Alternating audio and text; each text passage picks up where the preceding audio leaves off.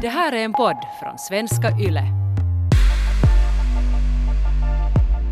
Ibland får vi anonyma meddelanden till vår sex och sånt brevlåda och jag ska läsa två meningar ur ett nästan en av fyra långt meddelande som vi har fått. Mm. Det här är egentligen ingen fråga utan snarare ett ämne som jag tycker borde synliggöras mera. Det är diskussionen om att vilja ha sex men inte kunna ha sex på grund av vulvodyni. Och vulvodyni måste jag säga att det var ett nytt begrepp för mig. Det hade jag inte hört om tidigare. Så då är jag sådär, jaha, hur har jag missat det här fenomenet? Okej, Men sen visade det sig att det fanns ett annat namn på det också som jag sen igen kände igen. vestibulit. Vestibulit, ja. Okej. Ja, det finns många termer. eh, Liksom jag läste upp till tio olika termer som används, men, men vestibulit och vulvodyni är de vanligaste. Allt från brinnande mm, något fitta, ungefär läste jag på nätet också. Att, Okej. eh, det finns många namn för, för samma grej. Var du bekant med det här, Mattias? Inte alls faktiskt. Eller lite som Dan sa att när han, eller när jag hör vestibulit så förstår jag ju vad det är. Men vulvodyni hade jag nog inte, inte någon aning. Jag tog också och frågade några kajfare, alltså kvinnor, så inte hade de heller hört om det. Men sen när jag fick, eller läste här att vestibulit så då ringde det ju klockor. Men ändå sådär, jag måste säga att jag är nog jättedåligt påläst Mm. över vestibulit och vulvodyni. Mm. Så där jättedåligt. Och kanske det är därför just som det finns ett, annat, ett ord, ett namn för det som, som är, vad sa du, brinnande fitta. Mm, typ så. För den, Ja. det blir kanske mer beskrivande, för det är i princip det det handlar om, alltså otrolig smärta. Mm. Ja, det handlar om kronisk smärta i fittområdet, ofta vid slidöppningen och, och runt slidöppningen. Så man kan känna den här smärtan om man rör området, att om man penetrerar eller sätter in en tampong. Men en del kan känna smärta även om de inte rör liksom fittområdet alls. Eller visst kan man också känna det om man har typ tajta kläder på Mm. eller, eller cyklar eller någonting sånt. Annat som, som alltså stimulerar eller ger tryck på det området. Mm, exakt så. För att så här, kort försöka förklara att hur vulvodyni kan börja, eller varifrån det... Hur ska man säga? Börja? Var, när den uppstår. Eller ja, varifrån den kommer. ja. Så ofta så handlar det om att man har varit med om något som har gjort ont i fittan, eller det kan ha hänt någonting som man har på något vis blivit skrämd av. Och nästa gång som man ska penetrera så liksom minns kroppen och hjärnan att det senaste gång har gjort ont. Mm. Och då spänner sig kroppen för att, mm, för att skydda en. Och oftast så gör det ju mera ont när man är spänd och inte avslappnad. eh, och när man inte andas lugnt Mm. eh, och med hela lungorna. Och det här gör till sist att nerverna vid slidan kan bli överkänsliga. Mm. Och så blir det just den här kroniska smärtan. Att Mm. även om, om det som då den här första, eller andra, första och andra gången kanske orsakar den här smärtan inte finns med mera. Att man Mm. har ändrat sättet som man kanske har sex på eller som man, vad det nu sen än har handlat om. Eh, Den ursprungliga smärtan har försvunnit men nervändarna fortfarande reagerar mycket snabbare på det och, och huvudet kommer ihåg och tror att det här gör nog fortfarande ont. Det kanske är på något vis en banal jämförelse men jag hade i ett skede, alltså ett av våra gamla mötesrum där Radio Extrem fanns tidigare hade en, un, en, en underlig golvmatta som tillsammans med ett par av mina skor gjorde att det byggdes upp jättemycket statisk elektricitet i min kropp. Ja. Eh, och varje gång vi skulle gå ut ur det där rummet eh, så om det var jag som öppnade dörren så fick jag en ganska ordentlig stöt av den för att jag hade så mycket statisk elektricitet i mig. Vilket gjorde att jag började först undvika det dörrhandtaget Mm. och sen gick det över till dörrhandtag överlag som jag började undvika. Och det var ju inte en det var ju inte en sån här att jag logiskt tänkte varje gång att nu ska jag akta mig för dörrhandtag, utan det var en koppling som min hjärna gjorde. Och även om jag bytte skor och, och jag hade inte egentligen den här, eh, elek- eh, den här statiska elektriciteten i kroppen mera, så var det ändå, gjorde min hjärna fortsättningsvis i flera månader den här kopplingen.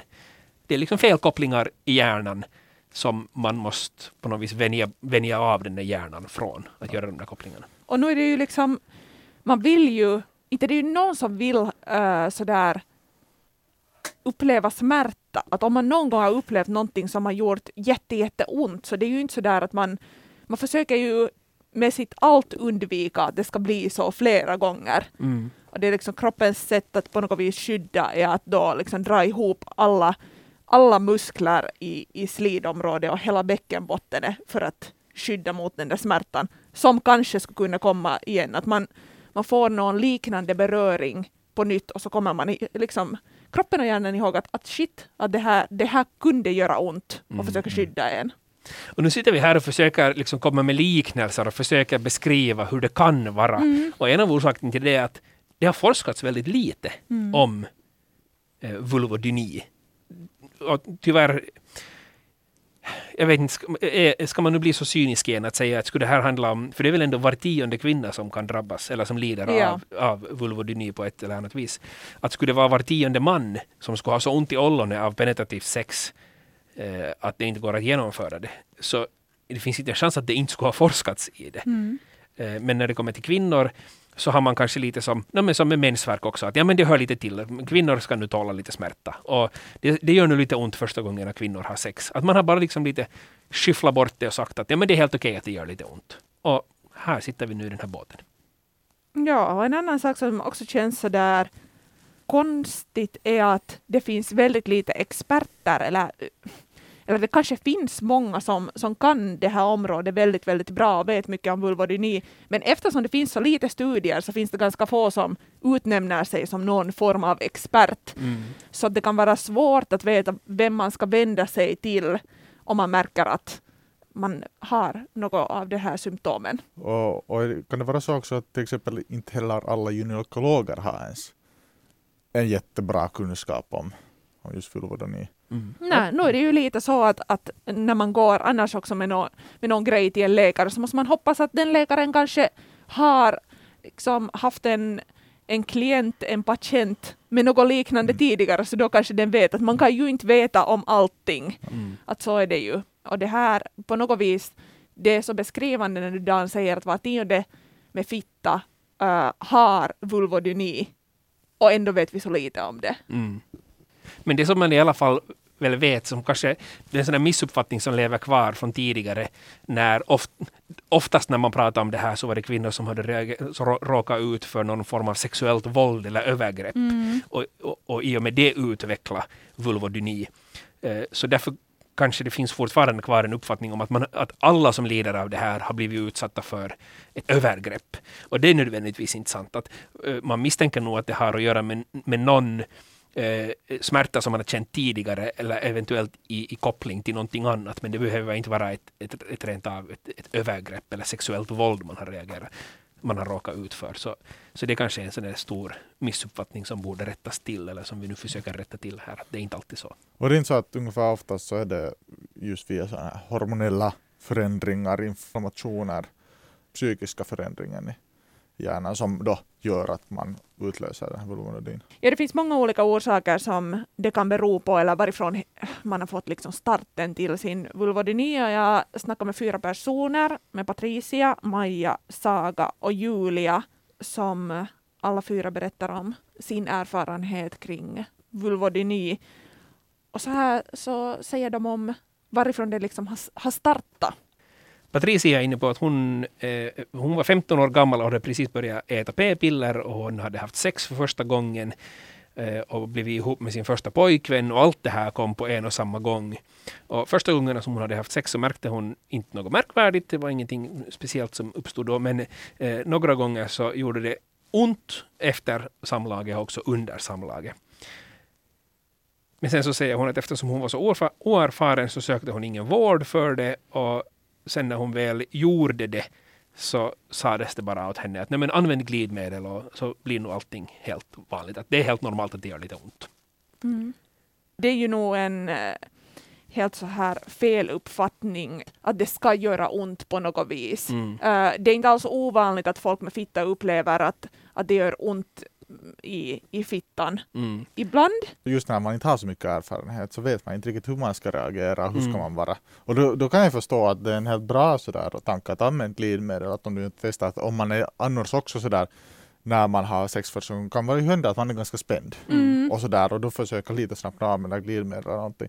Eller sen kan det hända att man har det är en, en, en stor kuk som man också kan göra det känns mer och då måste man ta det mer försiktigt och man måste vara Mm. blötare och sådär. mm, Så är det. Men, men det är det som vi vill komma bort från, är att säga att, att det hör till att Ja. det ska göra Mm. lite ont. Mm. För det ska inte göra ont. gör det ont så måste man fundera på att hur kan vi göra det här så att det inte gör ont. Mm. Men som Patricia skriver så, så har hon varit ganska ung. Det är ganska vanligt att, att unga tjejer får vulvodyni vestibulit. Hon har börjat äta p-piller, hon har förlorat ö, oskulden, alltså haft sex då, eh, tydligen den första gången och blivit ihop. Att det är liksom många stora grejer som har hänt Mm. på en och samma gång. Maja igen skriver så här att jag var 17 år gammal, hon är 31 just nu, eh, när jag fick min första svampinfektion. Typ samtidigt började jag äta p-piller och jag tror att min kropp inte tyckte om den kombinationen. Jag har också haft bakteriell vaginos flera gånger. Alla infektioner har på något sätt lett till vulvodynin. Mm.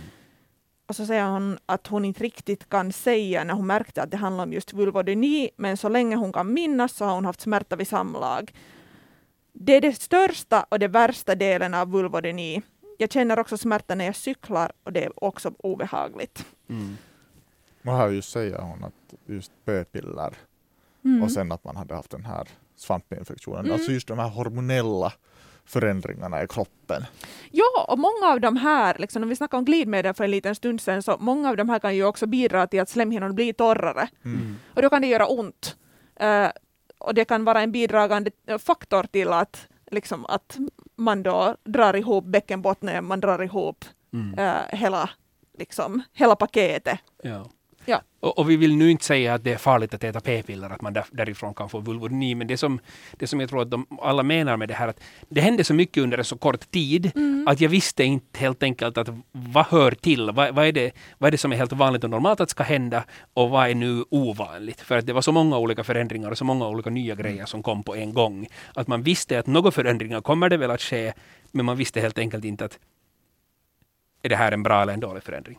Ja, och sen liksom, jag, jag tycker inte heller att det bärsar ner på något vis på p-piller eller att, att använda någon sorts preventivmedel, utan att visst, det, det kan liksom olika kroppar reagera på olika saker. Eh, och det är bara så det är och jag tycker att, att det är mer sådär att okej, men att, att hålla ögonen öppna och vara lyhörd för vad din kropp säger då när man tar in något nytt preparat eller så här. Det är ju jätte, jätteviktigt. Och att det just kan bidra till att slemhinnorna blir mer torra och sköra. Eh, ja, som kan vara en bidragande faktor. Mm. Men du har också pratat med Saga. Och hon, Ja. sä- hon säger så här. Jag har haft vulvodyni i cirka fyra år och det började med en urinvägsinfektion som sen inte läkte ordentligt. Och sedan dess har jag haft olika problem, till exempel att det svider och att det känns att jag har en pissbrott fast jag inte har någon infektion där nere.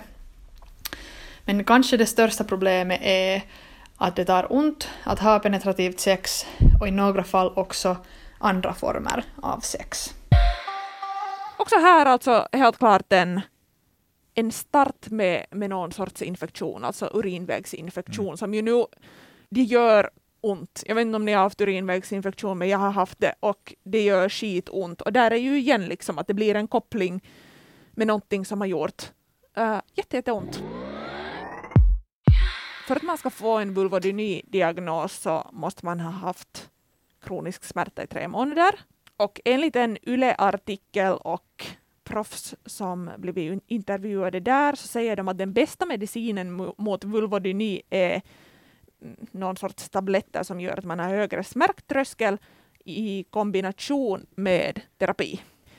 Både kroppen och, och huvudet är med om den här grejen och man måste jobba liksom med båda. Mm. Och att den här, tydligen de här tabletterna som gör att man har lite högre smärttröskel så kan ju lite underlätta. Det betyder ju inte liksom att okej, att, att äta de här tabletterna och så penetrerar vi vidare. Ja, Utan ja, det är exakt. liksom för att underlätta livet, att om man har, liksom, för att fan kunna ha på sig underbyxor till exempel, så att, så att det inte hela tiden gör ont, så att hela tiden kroppen inte jobbar emot. Mm. Och liksom samtidigt äh, liksom jobba med att hantera det, för att det är en, alltså fittan är ju, jag vet inte om ni upplever samma sak med era kukar, men att fittan är i alla fall en jättestor del av, av mig. Låter det här konstigt? Kanske. Äh, men jag, jag upplever att den är, en, den är en stor del av mig och äh, liksom påverkar livet och mitt liv och mig personligen jättestort. Så därför tänker jag att, att få tala ut, och jättemånga med vulvodyni säger att, att just att få tala ut om det här, att det är en, ofta en stor skam att liksom känna smärta och att inte kunna ha penetrativt sex. Så därför är att få prata om de här sakerna, alltså att få uh, professionell hjälp att gå på någon form av terapi är jätteviktigt för många. Och där tycker jag att du sätter ganska bra huvud på, huvud på spiken, att, att prata. Att ens kunna nämna till sina kajfare och till sina kompisar, bekanta. Att man pratar öppet om de symptomen, de smärtor man har. Och det kan jag förstå, det vill, känns väldigt personligt och allting kring sitt egna könsorgan känns ju svårt att på något sätt ta upp. Och då är det svårt redan att besöka läkaren och då är det svårt att säga till en, en vän. Men när man, när människor börjar ännu mer öppet och öppet prata om deras smärtor och deras obehag och deras uh, problem, så då kommer det ju också att underlätta. Att hej, jag känner likadant. Då kan jag ju också söka hjälp. Då vet jag hur jag ska kunna göra för att, för att kanske bli av med de här smärtorna. Mm. Så att man inte blir ensam i det, det som gör ont. Mm. Det känns som att just det som du säger att man blir ensam, att folk känner sig väldigt, väldigt, väldigt ensamma. De som har någon erfarenhet av vulvodyni, att de är alla som, som jag har snackat med som har erfarenhet av vulvodyni säger att de, de har i något skede tänkt att det är något fel på dem, mm. något stort fel. Patricia säger så här. På min 18-årsdag fick jag diagnosen och jag trodde det var döden för mitt sexliv mm. eftersom jag aldrig någonsin hade hört om någon annan som har samma problem som jag. Ja. Tänk hur... Det, där, det är helt hemskt. Helt hemskt. Ja. Att, känna, att ha den där känslan att att jag, jag är enda i världen som har det här problemet och ingen vet riktigt vad det är för fel. Ja. Och ingen kommer någonsin att förstå. Ja. Och det känns för mig liksom i, i största allmänhet när vi pratar om vulvodyni och jag, jag fattade ganska snabbt när, när jag började prata med, med folk och, och läsa om det här temat, även om jag liksom visste lite vad det handlar om, så att det handlar i sin helhet inte bara om liksom vulvodynin i sig, utan det är så brett och så stort och just liksom det här som jag försökte på något vis förklara att, att man är ju en helhet och att fittan är en del av den här stora helheten. Och den, liksom, hur fittan mår påverkar uh, människan som bär den fittan jättestort. Mm. Um, och det som precis alla i någon form snackar om, som har erfarenhet av vulvodyni, eller de som jag har snackat med, på något vis att de kan känna en press från antingen mm, inte vet jag, kanske samhälle eller äh, en partner eller sig själv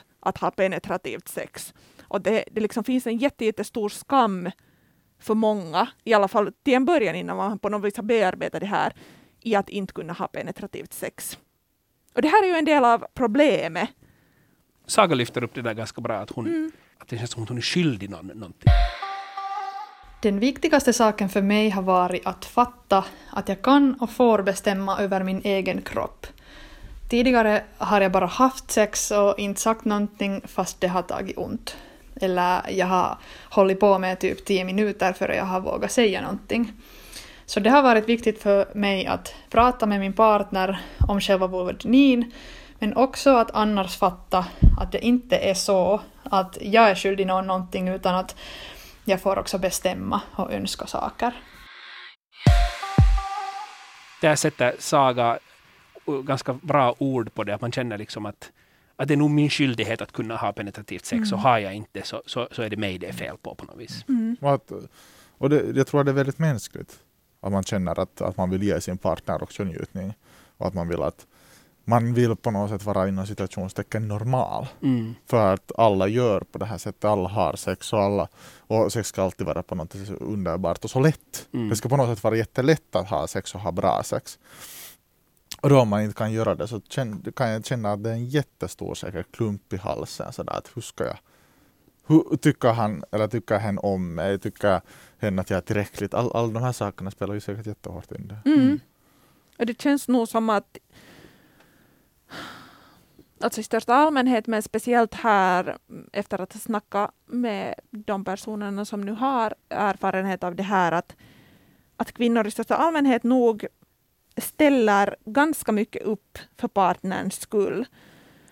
Ja, och, och förstås också ibland säkert för sin egen skull, för att man, man på något vis känner press för att penetration är normen att det, det, det är så konstigt när vi nu dyker in i det här att vi börjar prata om penetrationsnormen, Ja. men att det är en så stor del av det här att skulle vi inte ha penetrationsnormen och skulle se på sex som ett liksom eh, inte så här det, det, det finns det här nummer ett som heter penetration och som alla liksom är ute efter och som ju ska innehålla, eller sex ska innehålla penetration, utan vi skulle ha det där buffébordet och så plockar man åt sig det ena och det andra som nu är liksom enligt dagens filis. Och det kan vara vad som helst Mm. som känns kiva och bra. Men när det finns en, eh, en förväntning av att det ska bli penetration så liksom finns det en koppling till varför det är så svårt med vulvodyni när det Mm. inte funkar. Att man kan nog göra en massa andra grejer också, men det gör man sen före man har penetrativt sex. Ja, Och, och sen så har man det, det riktiga sexet. Ja. Och, och det är det som är problemet. Julia säger så här. Hur gärna man än skulle vilja ha penetrativt sex så går det bara inte eftersom det gör ont. Man känner skam, man har ångest, skuld för att göra någonting fel eller det är någonting fel på ens fiffi. Förutom att det gör fysiskt ont så är det också jättementalt jobbigt. Då man vet ändå att ens partner vill då ha penetrativt sex. Och även fast man själv vill ha det så bara går det inte och sen säger hon så här att ursäkta mina ord men det känns så jävla skit jag kan förstå att det känns jävla skit och där kommer på något vis konkretisera Julia det att pressen kommer från alla håll. Att en, en så allmän filis av att penetrativt sex är bäst, uh, partnern vill ha eh, penetrerande sex, och hon skulle själv också vilja ha det. Men då undrar jag sådär att jag kommer aldrig att, eller det kan ju hända att jag har några andra smärtor i min kuk så att det kan göra att jag inte kan ha alla for, former av sex och att, att det gör ont åt mig. Men jag kommer aldrig att ha vulvodyni i alla fall. Men finns det på något sätt som, som en partner eller som en man som man kan göra till, till sin, sin flickvän då, eller, eller sambo att på något sätt lätta på den här pressen. Att Mm. jag inte, att du måste inte känna den här skammen. Och Ja. att hur, kan jag, hur kan man göra? Ja, jag tycker det finns mycket man kan göra. Jag tänker att liksom att om man som man har en partner oberoende om man är man eller eh, av något annat kön, men att om någon berättar om smärta så ska, så ska man ta det på allvar. Det kanske är det viktigaste, tycker jag. Det andra som är viktigt är att inte pressa sin partner till någonting som skulle kunna förorsaka den där smärtan. Ta det på allvar både, både så här mentalt men också fysiskt att inte börja göra någonting som är, är fel. Mm. Och Saga har en bra, ett bra tips här också.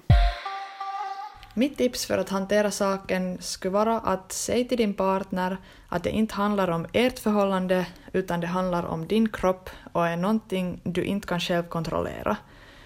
Och säg till din partner att du gärna vill ha sex med henne om du vill ha det.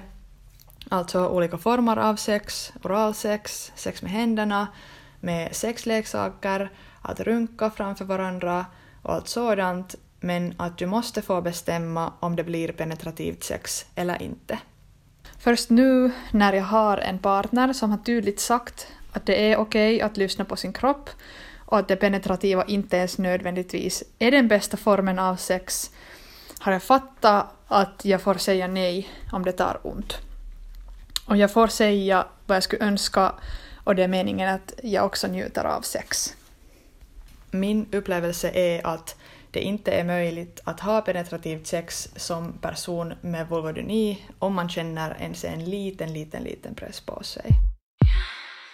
Ja, och sen tänker jag att äh, på något vis äh, i, i meddelande som Julia skickade oss så skrev hon att, att hon har haft svårt att förklara för sin partner att vad det egentligen handlar om. Mm. Uh, vilket, no, det är ju lite ledsamt sådär på det sättet att, att säga någon att jag har ont så det räcker uh, på ett sätt. Men att för att uh, det kan vara ett tillstånd som, som varar liksom längre om man får diagnosen vulvodyni så kan det vara bra att kanske googla och läsa tillsammans för att båda liksom ska ha samma information. Ja, det som jag funderar på att man har så svårt som utomstående att förstå andra människors smärtor. Uh, Men, men om man skulle se det fysiskt, så skulle jag säga att du har ett stort sår på armen. Mm. Eller brutit armen, så, eller bru, brutit benet, så då vet jag, säger jag att nu kan vi inte göra vissa saker tillsammans. Jag blir inte sur om du inte kommer med mig ut på länk Ja. om du har brutit benet. Ja, men om det är någon bara som säger att den har vulvodyni och, och då kan jag tänka mig att man inte man har så mycket svårare att på något sätt sätta det in i sin hjärna som en partner. Att för, på riktigt förstå Ja. vad det som betyder. Eller det kräver liksom att man sätter sig in och får den där infon just via då att, att googla Mm. eller på något vis gå någonstans tillsammans.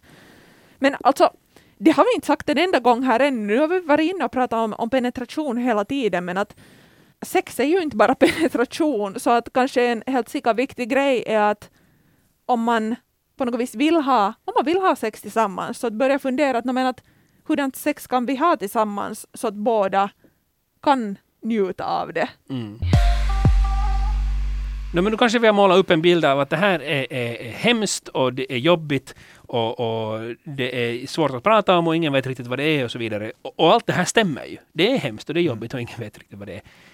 Men det finns ändå hjälp att få. Mm. Vi snackade redan lite tidigare om, om läkare och så här och att alla kan inte ha all information, att de har kanske inte haft alla sorters klienter och patienter. Och de som vi snackar med så har de flesta haft lite så här dåliga erfarenheter av, av läkare och gynekologer. Men flera av dem säger att bäckenbottenfysioterapi har varit någonting som har ändrat stort hos dem på ett positivt sätt. Och vi vet ju vad fysioterapi är. Det är människor som har koll på hur kroppen funkar och, och rörelser och hur man får tillbaka en rörelse som man kanske har eh, gått miste om i, om man just har brutit armen. Eller jag bröt ryggen eh, eller fick så här frakturer i ryggen för några år sedan och, och blev jättestel i hela kroppen. För att musklerna bara spände sig och ville skydda min, min rygg som mådde dåligt. Och då var det just fysioterapi som gjorde att jag sen fick tillbaka rörligheten. Och då finns det fysioterapeuter som är specifikt specialiserade på just bäckenbottnen. Mm. Maja har varit hos just en, just en bäckenbottenfysioterapeut och säger så här. Um, jag var hos en bäckenbottenfysioterapeut efter att min gynekolog nämnde att det finns sånt. Jag hade önskat att någon hade berättat om det tidigare. Fysioterapeuten var fantastisk och allt gick åt bättre håll. Hen var lugn och uppmuntrande. Och efter ett tag när jag lyckades ha samlag utan smärta jag berättade för hen blev hen tårögd av glädje. Hen brydde sig verkligen om mig. Så fin story. Jag får riktigt så här gåshud. Det är så Ja. fint att höra att man, att man har äntligen fått hjälp med det här. Och det här är kanske det som är så viktigt liksom med vården, att hitta den där typen som känns rätt för en, som, som det känns att okej, den här förstår mig och den här har lyssnat på mig och delar den här jotton med mig.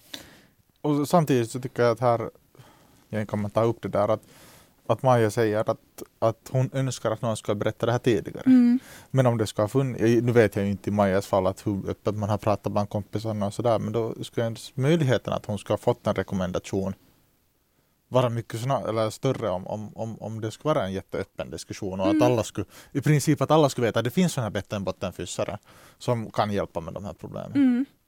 Jag snackade med Maria Hemlander som är en, en bäckenbottenfyssare och eh, hon säger just att de flesta kommer till henne då de redan har en diagnos eller vet att de har vulvodyni.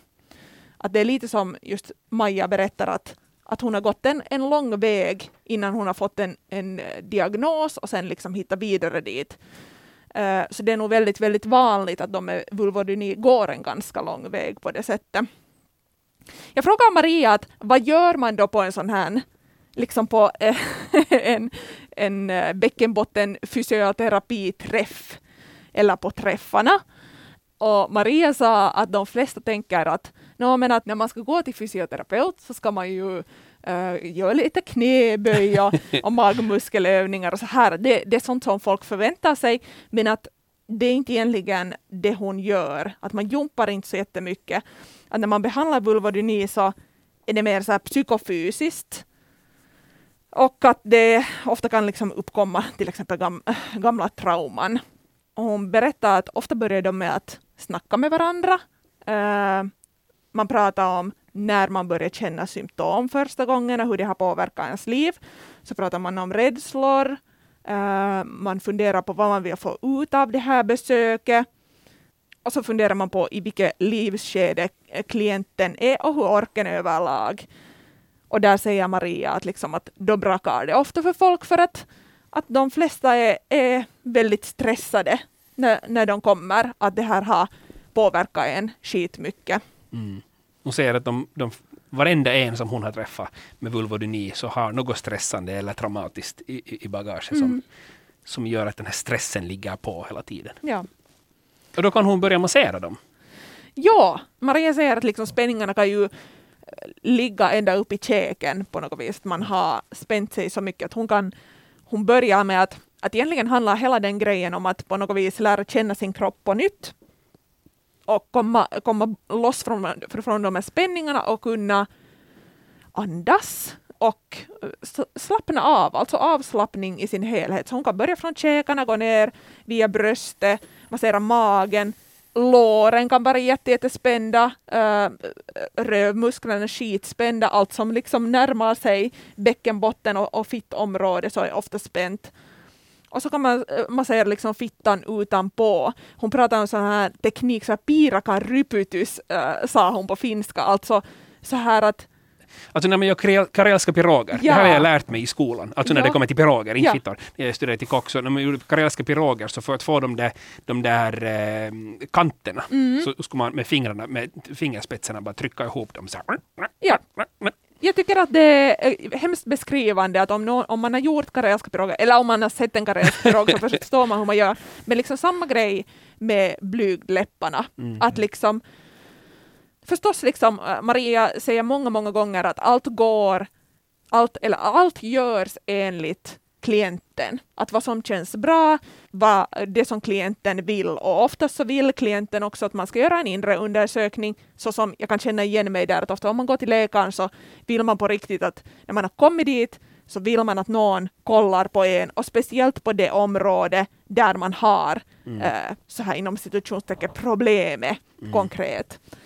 Och då om det liksom, om allt känns bra och klienten vill det så kan hon göra en inre undersökning och då handlar det inte om något större än om en plasthandske, sätta glidmedel och så penetrerar Maria in med sitt lilla mittfinger.